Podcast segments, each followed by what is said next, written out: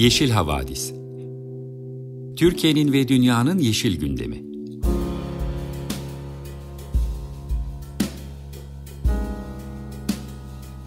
Hazırlayan ve sunanlar Demet Yaman Er, Savaş Çömlek, Dilan Altın Makas, Sare Abit ve Tansu Yeşilkır.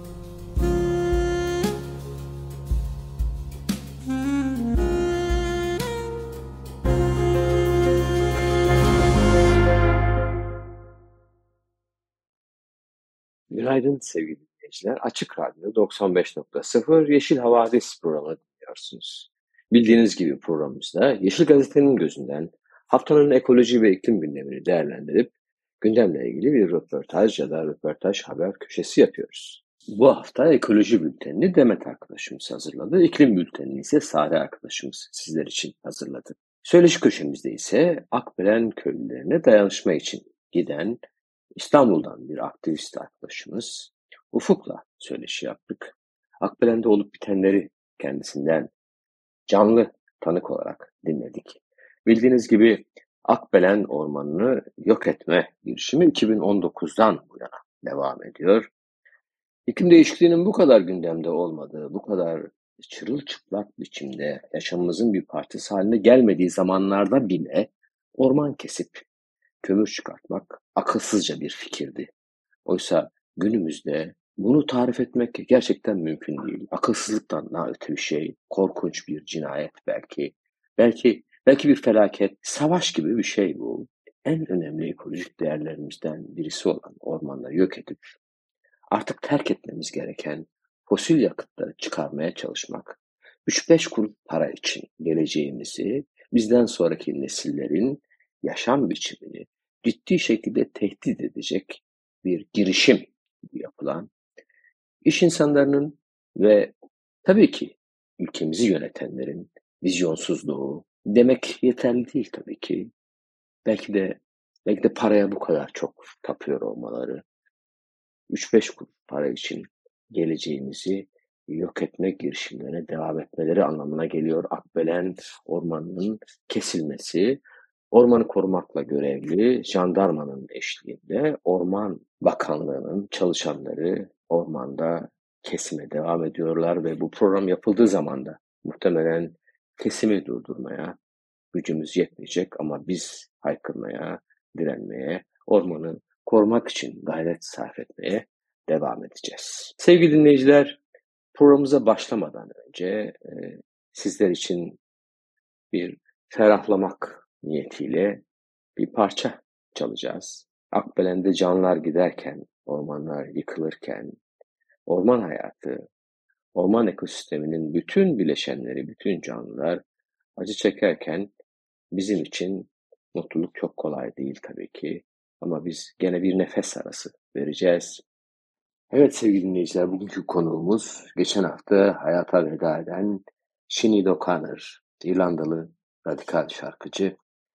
İrlanda'nın bağımsızlığı için mücadele eden İRA'yı destekleyen savaş karşıtı ve ABD karşı tutumu ile tanıdığımız Papa'yı protesto eden ve tabii ki biraz sonra çalacağımız Nothing Compared to You şarkısıyla aldığı Grammy ödülünü reddeden bir şarkıcıydı kendisi. Şimdi şimdi bu parçayı dinleyerek programımıza başlayalım. Ardından ekoloji bültenini dinleyeceksiniz. Merhaba sevgili Yeşil Havadis dinleyicileri. Ben Demet Yaman Er. Bu hafta sizler için Yeşil Havadis programının ekoloji bültenini ben sunuyorum. Bültenimize ise önce yaşam alanları, ekoloji ve doğa için Akbelen için mücadele veren ikiz köylüleri ve onların yıllardır süren bu mücadelesine destek vermek için şu an oraya giden, orada bulunan herkesi selamlayarak başlamak istiyorum. Bültenimizin ilk haberi de Akbelen savunmasına destek çağrısına ilişkin. Aralarında DISK, KESK, TMOB'a bağlı odalar ve Türk Tabipler Birliği, siyasi partiler, kadın hakları ve toplumsal cinsiyet, ekoloji, kent, emek ve demokrasi mücadelesi veren kurumların da olduğu 308 örgüt ortak bir açıklamayla Akbelen ormanlarında yaşanan kıyımın durdurulmasını istiyor. Akbelen Ormanı'ndaki abluka kaldırılsın. Kesim kararı durdurulsun başlıklı açıklamada İkizköylülerin Muğla, Milas'ta kömür madenciliğine karşı Akbelen Ormanı'nı ve yaşam alanlarını korumak için yıllardır direndiğine dikkat çekiliyor. Milas ve yatağındaki 3 kömür yakıtlı termik santralin ve onlara yakıt sağlamak için açılan kömür ocaklarının Muğla'nın tarım alanlarını, ormanlarını yok ettiğine, havasını, suyunu kirlettiğine, erken ölümlere, hastalıklara yol açtığına vurgu yapılan açıklamada şunlar dile getirildi. Konuya ilişkin yapılan çalışmalarda madenciliğin bölgeye geri dönüş mümkün olmayan zararlar vereceği bilim insanları tarafından da tespit edilmesine rağmen bu kirli enerji yönetim modeli için üstün kamu yararından vazgeçiliyor. Yörede yaşayan halkların talebi hiçe sayılıyor. İktidara sesleniyoruz. Himaye ettiğiniz Nimak Holding ve IC Holding ortak iştiraki olan YK Enerji bilimsel gerçeklere rağmen planlı olarak kamuoyunu yanıltıyor ve Akbelen ormanını kömür için feda ediyor. Biliniz ki halkın çıkarı şirketlerin karından üstündür. Bu sorumlulukla hareket etmek, sesimizi duymak, Akbelen'i korumak zorundasınız.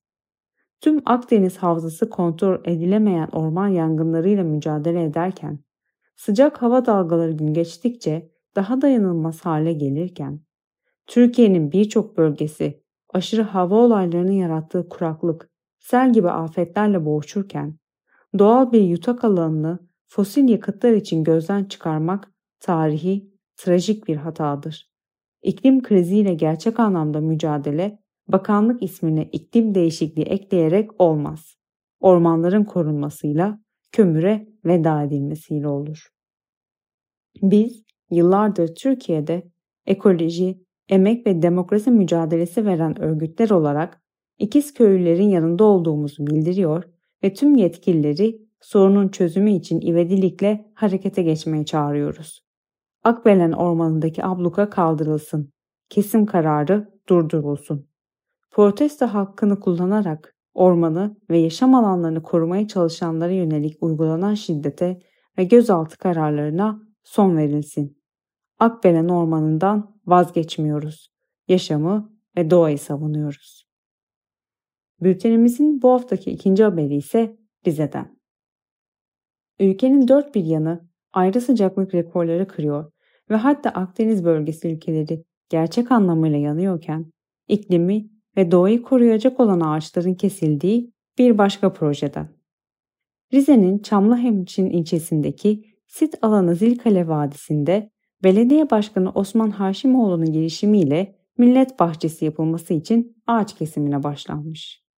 Çamlıhemşin ve yaylalarındaki ormanlık alanın bu şekilde ranta açılmasına tepki gösteren Cumhuriyet Halk Partisi Çamlıhemşin İlçe Başkanı Cihan Kalay, Çamlıhemşin vadileri sadece Türkiye için değil birçok dünya ülkesince de bilinen yerlerdir.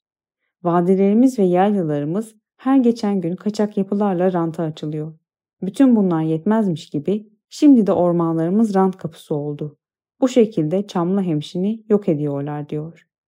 Yine Fırtına Vadisi'nin bittiği ve Zilkale Vadisi başlangıcında bulunan ormanlık alanın çok önemli son yeşil alanlardan birisi olduğunu belirten Kalay, belediye meclisinde karşı çıktık ama bir yolunu bulup istedikleri usulsüz işleri uygulamaya koyuyorlar.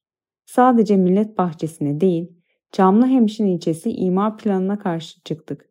Bakanlık tarafından onaylanan planı başvurumuz üzerine mahkeme iptal etti diyerek sözlerine devam ederken, millet bahçesi yapılırken zemin, toprak, bitki örtüsü yapısının değiştirildiğini, bir şantiye ortamı oluştuğunu, yeşillik alandaki ağaçların kesildiğini, az sayıda kalan vadilerin bir bir ranta dönüşen projelerle tüm karşı çıkışlarına rağmen devam ettiğini, kesilen ağaçların da belediye başkanı Osman Haşimoğlu'nun fırıncılık yapan teyzesinin oğlu Avni Durmuş'un alıp sattığın bilgilerini aktardı.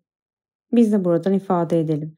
Rant için ormanlarımızın, ağaçlarımızın kurban edilmesine elimizden geldiğince müsaade etmemeliyiz.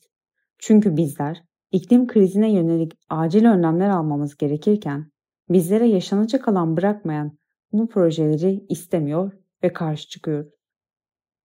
Bültenimizin bir sonraki haberi de Marmara Ereğlisi'nden. Likit Depolama Anonim Şirketi tarafından Marmara Ereğlisi Sultanköy mahallesine kurulması planlanan akaryakıt ve kimyasal ürün depolama tesisi ile ilgili geçtiğimiz günlerde Marmara Ereğlisi Belediye Düğün Salonu'nda chat toplantısı düzenlendi. Toplantıya sivil toplum kuruluşları, çevre örgütleri ve bölge halkı da yoğun katılım gösterdi.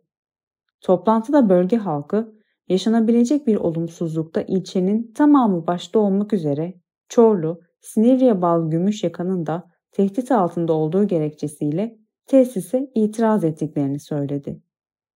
Öte yandan söz konusu projenin 1 bölü 100 bin ve 1 bölü 25 bin ölçekli Ergene çevre düzeni planlarına ve Marmara Denizi kıyılarını korumaya alan Marmara Özel Çevre Koruma Bölgesi kararına aykırı olduğu belirtildi. Çevre aktivisti Özgür Aksun da Marmara Ereğlisi'nin kaderiyle oynandığını dine getiriyor ve Marmara Ereğlisi'ni görmeden, buradaki denizi, plajları, tarihi değerlerini bilmeden yaşam alanlarımıza kimyasal depolama tesisi yapılmak isteniyor. Turizmin, çevrenin ve doğanın yok edilmeye çalışılmasına her zaman karşıyız. Biz Marmara Ereğlisi'nde tarihi dokunun ve turizm cennetinin yok olmaması için mücadele etmeye devam edeceğiz diyor. Bizler de Marmara Ereğlisi'ne ilişkin bu gelişmeyi ve mücadeleyi sizinle paylaşalım istedik. Bültenimizin bir sonraki haberi de Hakkari ve Şırnak'ta çıkan yangınlara ilişkin. Hakkari'deki Cudi Dağı eteklerinde Şırnak ile Silop ilçesi arasında bulunan bölgede geçtiğimiz hafta orman yangını çıktı. Yangının geniş bir alana yayıldığı ve dumanların Silopi'ye ulaştığı bildirilmişken Halkların Demokratik Partisi sosyal medya hesabından yangına karşı derhal önlem alınmasını istedi. Yangına müdahale edilmediğini ve sivillerin girişiminin de engellendiğini belirten HDP Genel Merkezi'nden yapılan açıklamada doğamıza savaş açanlar yıllardır sistematik olarak devam eden orman yangınlarıyla ekosistemi yok ediyor. Judy'de başlayan ve müdahale edilmesine izin verilmeyen yangın, Kürt halkına düşmanlık politikalarının devamıdır. İnsansızlaştırmaya çalışılan bölgede yangına karşı derhal önlem alınmalıdır. Ağaçlarımızı, ormanlarımızı katledenler kaybedecek denildi. Bu arada Judy ve Slopi'nin yanı sıra ülkenin diğer bölgelerinde de yangınlar görülmeye devam ediyor. Ülke çapında sıcaklık rekorlarının kırıldığı 26 Temmuz günü İstanbul, Beykoz, İzmir, Ödemiş ve Kınık ile Kütahya Tavşanlı'da orman yangınları çıktı. Kütahya'daki yangına ilişkin alevlerin yaklaştığı çevredeki köylerin tahliye edilmesi için de anons yapıldı. Bu arada Afyon'un kent merkezindeki Hıdırlık mesire alanının yakınında yer alan ormanda çıkan yangında da neyse ki bir buçuk saat sonra kontrol altına alınma sağlanmıştı. Çanakkale ve Kemer'le başlayan yangınlarda ise Çanakkale için ekipler yangını ancak 16. saatinde kontrol altına almayı başarabilmişken Kemer'de de ise ancak 5. gününde söndürülebildi.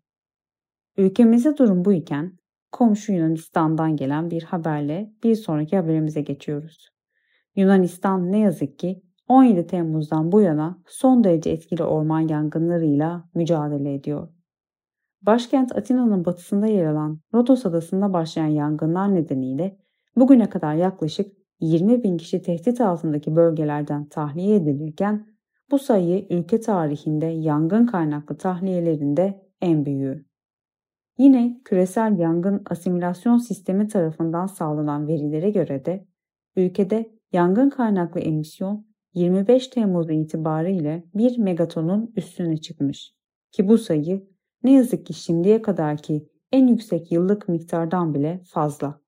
Devam eden yangınlar ve etkileri nedeniyle ülkede ise o hali ilan edilmiş durumda. Bu arada İtalya'nın güneyinde, Portekiz'de ve Hırvatistan'da etkili yangınlar görülürken Kanada'da yaşanan süreci sizlere daha evvelki yayınlarımızda da aktarmıştık. Kısacası dünyanın dört bir yanında ormanlar yanarken dileriz tüm bu afetler yetkililere ne yapmaları gerektiği konusunda yol gösterici oluyordur. Bültenimizin son haberi ise Gulf Stream'e ilişkin. Yeni bir çalışmada araştırmacılar Gulf Stream sisteminin 2025 gibi erken bir tarihte çökebileceğini ortaya koymuş. Bilim insanları tarafından Atlantik Meridional Devrilme Dolaşımı AMOK olarak adlandırılan hayati okyanus akıntılarının sona ermesinin feci iklim etkilerini de beraberinde getireceği kaydediliyor. AMOK'un küresel ısınma nedeniyle 1600 yıldır en zayıf durumunda olduğu daha önce de bilinirken araştırmacılar şimdi 2021'de bir eşik noktası olduğuna dair uyarılar tespit etmiş. Yeni analiz, küresel karbon emisyonlarının azaltılmadığı senaryoda 2025 ile 2095 arasında sistemde bu tür bir çöküşün yaşanacağını tahmin ediyor ve tahminler 2050 yılı üzerinde yoğunlaşıyor. Geçmişteki çöküşlere dair elde edilen bulgular buzul çağları sırasında meydana gelmelerine rağmen birkaç on yıl içinde 10 dereceli sıcaklık değişiklikleri yaşandığını işaret ediliyor. Sistemin genel işleyişini aktarmak gerekirse Amok ılık okyanus suyunu kuzey kutbuna doğru taşıyor. Ilık su burada soğuyarak alçalıyor ve Atlantik akıntılarına yön veriyor. Ancak Grönland'ın buz örtüsünün hızlanarak erimesinden ve diğer kaynaklardan gelen tatlı su akışı akıntılarda giderek daha fazla bozulmaya yol açıyor şeklinde anlatılırken Amok sistemi çökerse dünya çapında feci sonuçlara yol açacağı, örneğin Hindistan, Güney Amerika ve Batı Afrika'da milyarlarca insanın gıda için ihtiyacı olan yağmurların ciddi şekilde kesintiye uğrayacağı, bunun dışında Avrupa'da fırtınaların artacağı, sıcaklıkların düşeceği ve Kuzey Amerika'nın doğu kıyısında deniz seviyesinin yükselmesine yol açacağı, ayrıca Amazon yağmur ormanları ve Antarktika buz tabakalarının daha büyük tehlikelerle karşı karşıya kalacağı ifade ediliyor. Bültenimizi dünyanın hassas bir denge üzerinde ilerlediğini ve yaşamaya devam edebilmek için içinde yaşadığımız ekosistemi kurmamız gerektiğini hatırlatarak kapatıyor ve sizlere Tracy Chapman'dan Crossroads şarkısıyla veda ediyorum. Herkese iyi pazarlar dilerim. Merhaba herkese, ben Sare. Bugün iklim haberlerini ben sunacağım. Ee, ilk haberimiz ve aslında diğer haberlerimiz de Temmuz ayında maruz kaldığımız aşırı sıcaklar ve küresel ısınmanın yol açtığı orman yangınları ile ilgili. Leipzig Üniversitesi'nde iklim bilimci olan Dr. Carsten Hausen tarafından yayımlanan bilimsel analize göre Temmuz ayı şimdiye kadar kaydedilen en sıcak ay olacak belki de son 120 bin yılın en sıcak ayı olacak. Ortalama sıcaklık dünyamızı kömür, petrol, doğalgaz ve diğer insan faaliyetleri nedeniyle meydana gelen küresel ısınmadan önceki halinden yaklaşık 1,5 derece daha sıcak olacak. Dünya fosil yakıt kullanımını büyük ölçüde azaltana ve net sıfır emisyona ulaşana kadar sıcaklıklar artmaya devam edecek ve aşırı hava koşulları daha da şiddetlenecek. Bu ayın ortalama küresel sıcaklığının insanlar fosil yakıtları yakarak gezegeni ısıtmaya başlamadan önceki ortalama Temmuz sıcaklıklarının 1.3 ila 1.7 derece üzerinde olacağı tahmin ediliyor. Bir önceki rekor olan Temmuz 2019'dan 0.2 derece daha sıcak. Diğer bir deyişle Temmuz'un yeni bir küresel sıcaklık rekoru kıracağı kesin ve maalesef bizler de bunu hissediyoruz. Bu ay sıcaklık artışının 1,5 dereceye ulaşmış olması, ortalama ısınma daha uzun vadeli bir zaman ölçeğinde ölçüldüğünden hükümetlerin ısınmayı Paris Anlaşması'nda belirlenen 1,5 derece sınırıyla sınırlandırmakta henüz kalıcı olarak başarısız oldukları anlamına gelmiyor. Ancak bu ayki sıcaklık artışının üzerinde mutabık kalınan maksimum uzun vadeli seviyede olması sınır henüz aşılmamış olsa da emisyonları azaltmaya yönelik eylemlerin hala yetersiz olduğu ve dünyanın anlaşmaya uymama yolunda ilerlediği gerçeğini yansıtıyor. Diğer iklim bilimciler Temmuz ayının kayıtlara geçen en sıcak ay olacağı konusunda uyarıda bulunmuşlardı.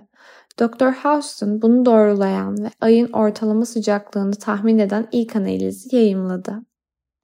Analize dair de şu açıklamalarda bulundu. Ay sonuna kadar tahmin edilen sıcaklıklar da dahil olmak üzere ön verilere dayanarak Temmuz 2023'ün bir önceki rekorun 0.2 derece üzerinde bir farkla en sıcak Temmuz ayı olacağı neredeyse kesindir.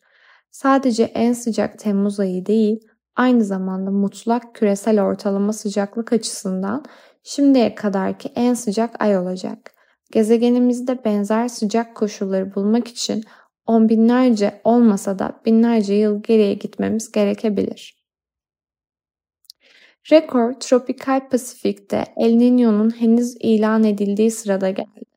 Sıcaklığa katkıda bulunmakla birlikte bu tür rekorları görmemizin temel nedeni insanlar tarafından büyük miktarlarda sera gazı emisyonlarının devam etmesidir. El Niño'nun etkileri ancak yılın ikinci yarısında tam olarak ortaya çıktığından Haziran ve şimdi de Temmuz aylarını en azından 2024'ün başlarına kadar daha fazla rekor sıcak ayın izlemesi muhtemeldir. Bu tür dramatik iklim değişiklikleri aynı zamanda eşi benzeri görülmemiş deniz ve kıta sıcak dalgalarını tetikleyerek dünya genelinde rekor kıran aşırı sıcaklık riskini artırıyor. Çin, Güney Avrupa ve Kuzey Amerika'da geçtiğimiz haftalarda rekor ya da rekora yakın sıcaklıklar görüldü.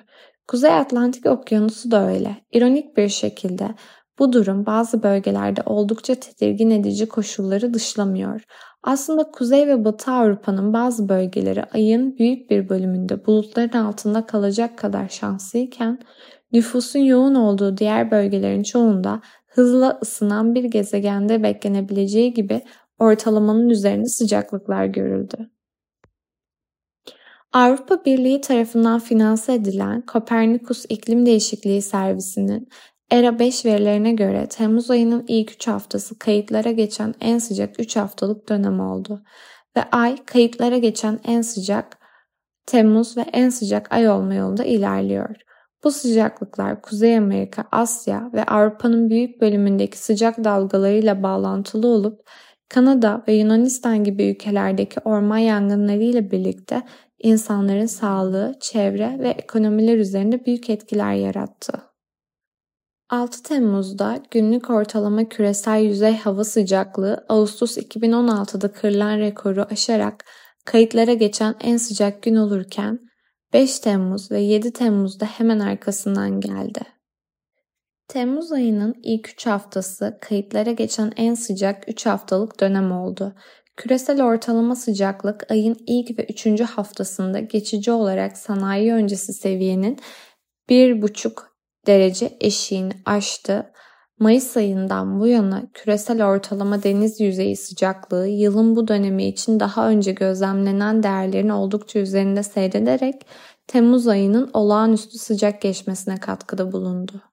Dünya Meteoroloji Örgütü Genel Sekreteri Profesör Petteri Talas, Temmuz ayında milyonlarca insanı etkileyen aşırı hava koşulları ne yazık ki iklim değişikliğinin acı bir gerçeği ve geleceğin bir habercisi dedi. Sera gazı emisyonlarını azaltma ihtiyacı her zamankinden daha acil. İklim eylemi bir lüks değil bir zorunluluktur. Önümüzdeki 5 yıldan en az birinin kayıtlardaki en sıcak yıl olma olasılığının %98 ve 5 yıldan en az birinde 1850 ile 1900 ortalamasının geçici olarak 1,5 derece üzerine çıkma olasılığının %66 olduğunu öngörüyorlar. Bu Paris Anlaşması'nda belirtilen ve uzun yıllar boyunca uzun vadeli ısınmaya atıfta bulunan 1,5 derece seviyesini kalıcı olarak aşacağımız anlamına gelmiyor. Küresel kutup dışı okyanuslarda ortalaması alınan günlük deniz yüzey sıcaklıkları Nisan 2023'ten bu yana yılın zamanına göre rekor değerlerde kaldı. En önemlisi Mayıs ayının ortalarından bu yana küresel e, deniz yüzeyi sıcaklıkları yılın zamanı için benzeri görülmemiş seviyelere yükseldi. ERA 5 verilerine göre 19 Temmuz'da günlük deniz yüzeyi sıcaklıkları değeri 20,94 dereceye ulaşarak e, Mart 2016'da kaydedilen en yüksek değerin sadece 0.01 derece gerisinde kaldı. 2010-2016 yıllarında Birleşmiş Milletler'de iklim şefi olarak görev alan Cristiano Figueres, çok kullanılan eşi benzeri görülmemiş terime artık yaşadığımız korkunç sıcaklıkları tanımlamıyor. G20 ülkeleri yenilenebilir enerji kaynaklarının yaygınlaştırılmasını hızlandıracak ve fosil yakıtların ihtiyatlı bir şekilde kullanımdan kaldırılmasını sağlayacak politikalara kararlı bir şekilde politikalarla kararlı bir şekilde ele almaları gereken tehlikeli bir gerçekle karşı karşıyadır. Küresel elektriğin üçte biri sadece güneş ve rüzgardan üretilebilir. Ancak hedeflenen ulusal politikalar bu dönüşümü mümkün kılmalıdır. Yoksa hepimiz kavrulup yanacağız demiş. Danimarka Kalkınma İşbirliği ve Küresel İklim Politikası Bakanı Dan Jorgensen, bu Temmuz ayında yükselen sıcaklıklar zaten bildiğimiz bir şeyi açıkça ortaya koyuyor. Küresel ısınmanın yıkıcı etkileri bir gerçektir ve her bir derecelik artışta daha da kötüleşecek. Bu, gezegendeki tüm yaşam için bir tehdittir. Küresel bir toplum olarak hayatları ve geçim kaynaklarını kurtarmak için şimdi kararlı bir şekilde harekete geçmeliyiz. Doğru yolda değiliz ancak G20 ülkeleri gidişatı değiştirme gücüne sahip. Onları bu gücü kullanmaya çağırıyorum dedi. Şimdi bir diğer haberimize geçiyoruz. Yunanistan'daki orman yangınları rekor seviyede karbon emisyonuna yol açtı. Yunanistan'da günlerdir devam eden orman yangınları 1, meg 1 e, megatonun üzerinde karbon emisyonuna yol açtı. Bir önceki yıllarda kıyaslandığında rekor anlamına geliyor bu. Avrupa Birliği Kopernik Atmosfer Gözlem Servisinden yapılan açıklamaya göre ülkenin 17 Temmuz'dan bu yana mücadele ettiği orman yangınları ülkenin son 20 yıl içinde Temmuz ayında yaşadığı en büyük yangınlar olarak kayda geçti. Başkent Atina'nın batısında yer alan Rodos adasında 17 Temmuz'da başlayan yangınlar nedeniyle bugüne kadar yaklaşık 20 bin kişi tehdit altındaki bölgelerden tahliye edilirken bu sayı ülke tarihinde yangın kaynaklı tahliyelerin en büyüğü oldu. Kopernik, atmosfer gözlem servisine bağlı küresel yangın asimilasyon sistemi tarafından sağlanan veriler, ülkede yangın kaynaklı emisyonun 25 Temmuz itibariyle 1 megatonun üstüne çıktığını, bunun da şimdiye kadarki en yüksek yıllık miktardan bile fazla olduğunu ortaya koydu. Ülkede daha önce yangın kaynaklı en yüksek yıllık emisyon yaklaşık 0.5 megatonla 2007'deki orman yangınları sırasında meydana gelmişti. Durumun hızla kötüye gittiğini bildiren açıklamada geçen günlerde İtalya'nın Sicilya adasında da 50'ye yakın orman yangını meydana geldiği hatırlatılarak bölgede karbon emisyonuna dair yeterli veri elde edilemediği, buna karşın gelecek günlerde elde edilecek verilerde kayda değer bir karbon emisyonu, emisyonu gerçekleşmesinin beklendiği kaydedildi. Mark Parrington Yunanistan'daki durumu göz önünde bulundurduğunda sonuçların kendileri için sürpriz olmadığını söyledi. Gözlenen yoğunluk ve emisyonu son 20 yıllık verilerle karşılaştırdığımızda orman yangınlarının ölçeğinin ne kadar olağanüstü olduğunu görüyoruz.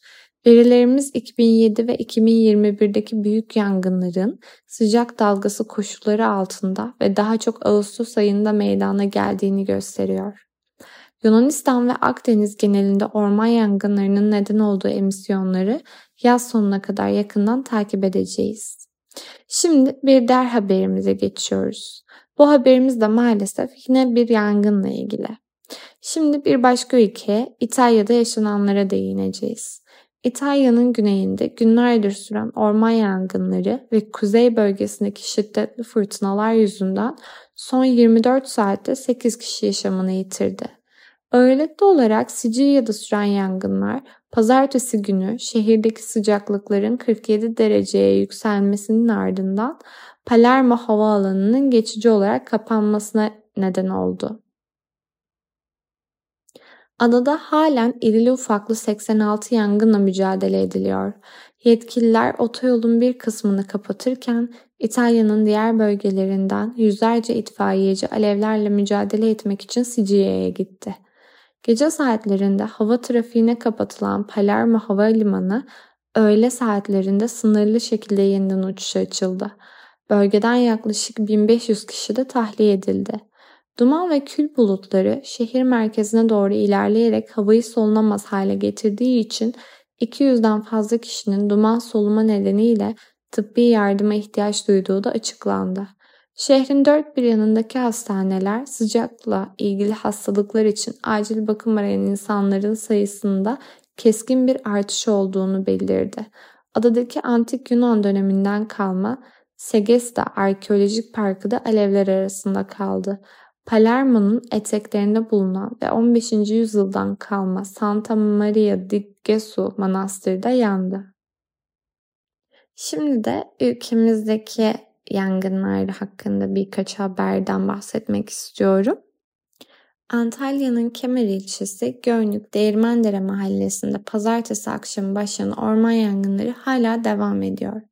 Çanakkale'nin merkezine bağlı Sarıbeyli ilçesinde dün başlayan yangınlara da sabahın ilk ışıklarıyla birlikte müdahaleye devam ediliyor. Tarım ve Orman Bakanı İbrahim Yumaklı İzmir'in Kınık ilçesinde dün başlayan yangını ise kontrol altına alındığını duyurdu. Kınık ilçesinin İbrahim Ağa mahallesinde dün saat 14.13'te henüz belirlenemeyen bir nedenle çık çıkan yangın İzmir Orman Bölge Müdürlüğü'ne ait 7 uçak, 12 helikopter, 34 arazöz ve 13 su ikmal aracı 7 ilk müdahale ekibi ve 6 iş makinesi ile birlikte bir günlük çalışma ile söndürüldü. Şu sıralarda soğutma çalışması yapılıyor.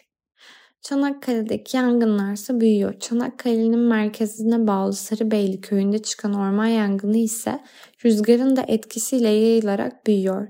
Ekiplerin 4 saattir süren yoğun, e, yoğun müdahalesine rağmen alevler kontrol altına alınamadı. Kemer'deki orman yangını da dördüncü gününde. Antalya'nın Kemer ilçesinde pazartesi günü çıkan orman yangını hala devam etmekte. 200 hektarlık alanda etkili olan alevlere 10 uçak, 27 helikopter ve 654 personelle müdahale ediliyor. Alevlerin büyümesine spot atma yani yanan parçanın rüzgar etkisiyle farklı yere sıçraması da etkili oluyor. Yangın Beydağı Milli Park sınırları içinde olduğu için karadan ulaşım güçlükle sağlandı. Sarp arazi yapısı da ekiplerin müdahalesini güçleştiriyor. Bu nedenle yangının en önemli unsurlarından biri olan karadan müdahale yapılmakta zorlanıyor. Bu haberimizle de birlikte bu haftalık iklim haberlerinin sonuna geldik. Umuyoruz bu yangınlar en kısa zamanda söndürülür. Tabii ki şunu unutmamamız gerekiyor. Bu yangınların söndürülmesi kadar bu yangınların hiç başlamadan engellenmesi çok önemli. Bu yüzden e, yapabileceğimiz en iyi şey aslında küresel ısınma için savaşmak ve bu anlamda faaliyetlerimize devam etmek. Haftaya e, yeni bir bültenle tekrar görüşmek üzere.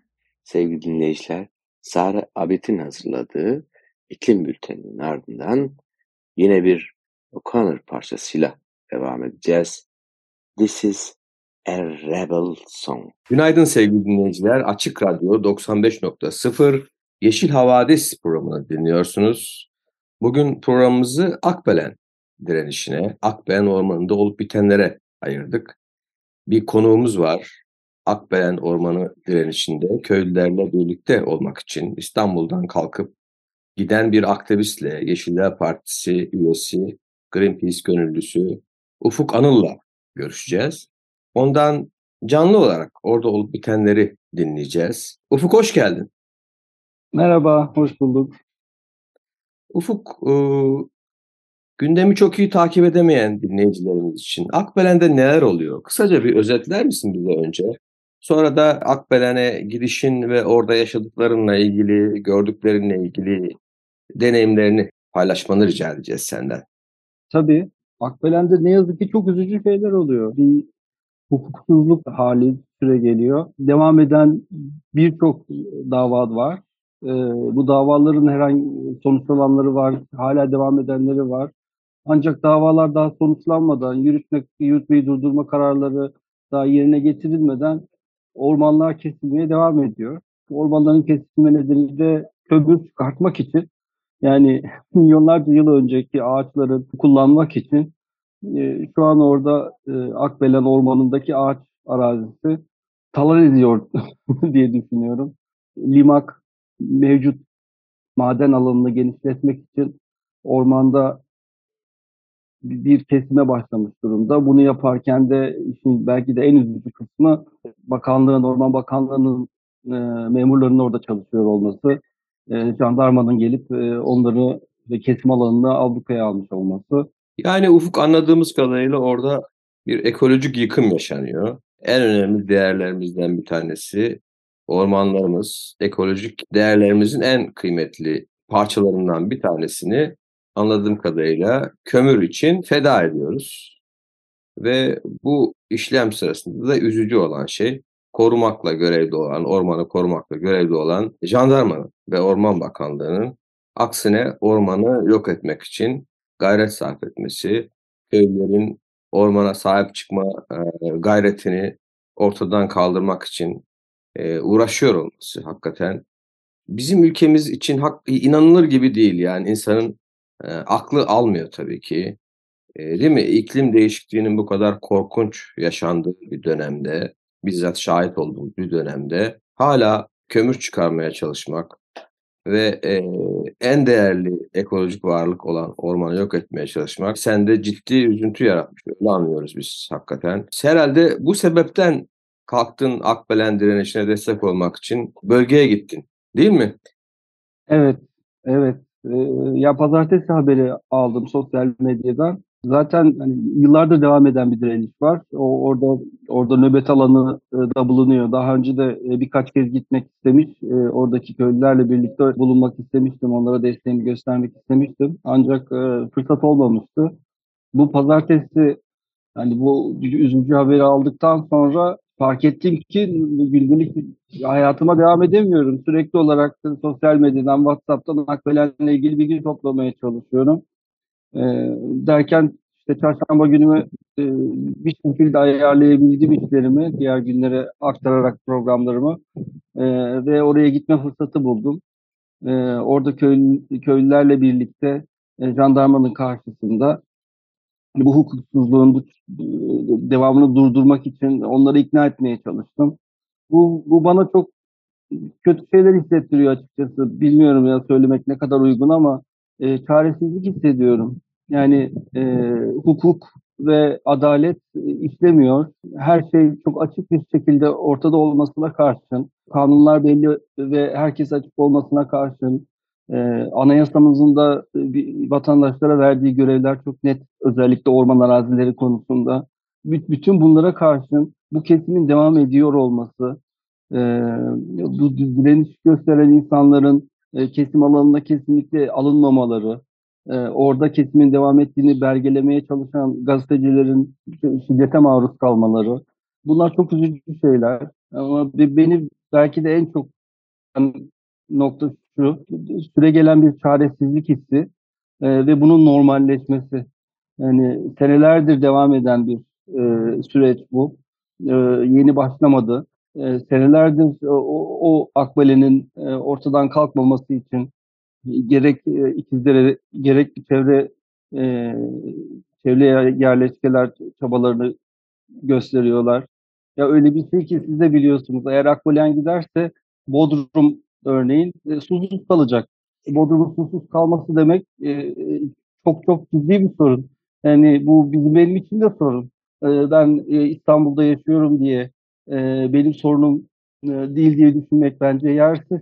E, çünkü hani diyelim ki e, biz e, gerçekten yeni Türkiye e, 21. yüzyıldaki Türkiye hayalini yaşıyoruz. Turizm gelirlerimizi arttıracağız iyi de affedersiniz e, susuz kalmış bir ülkeye, susuz kalmış bir Bodrum'a hangi turist gelecek?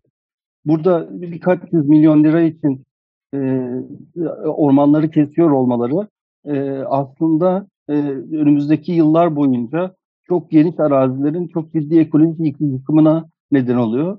Ve bu çok daha ciddi maliyetleri yol açıyor.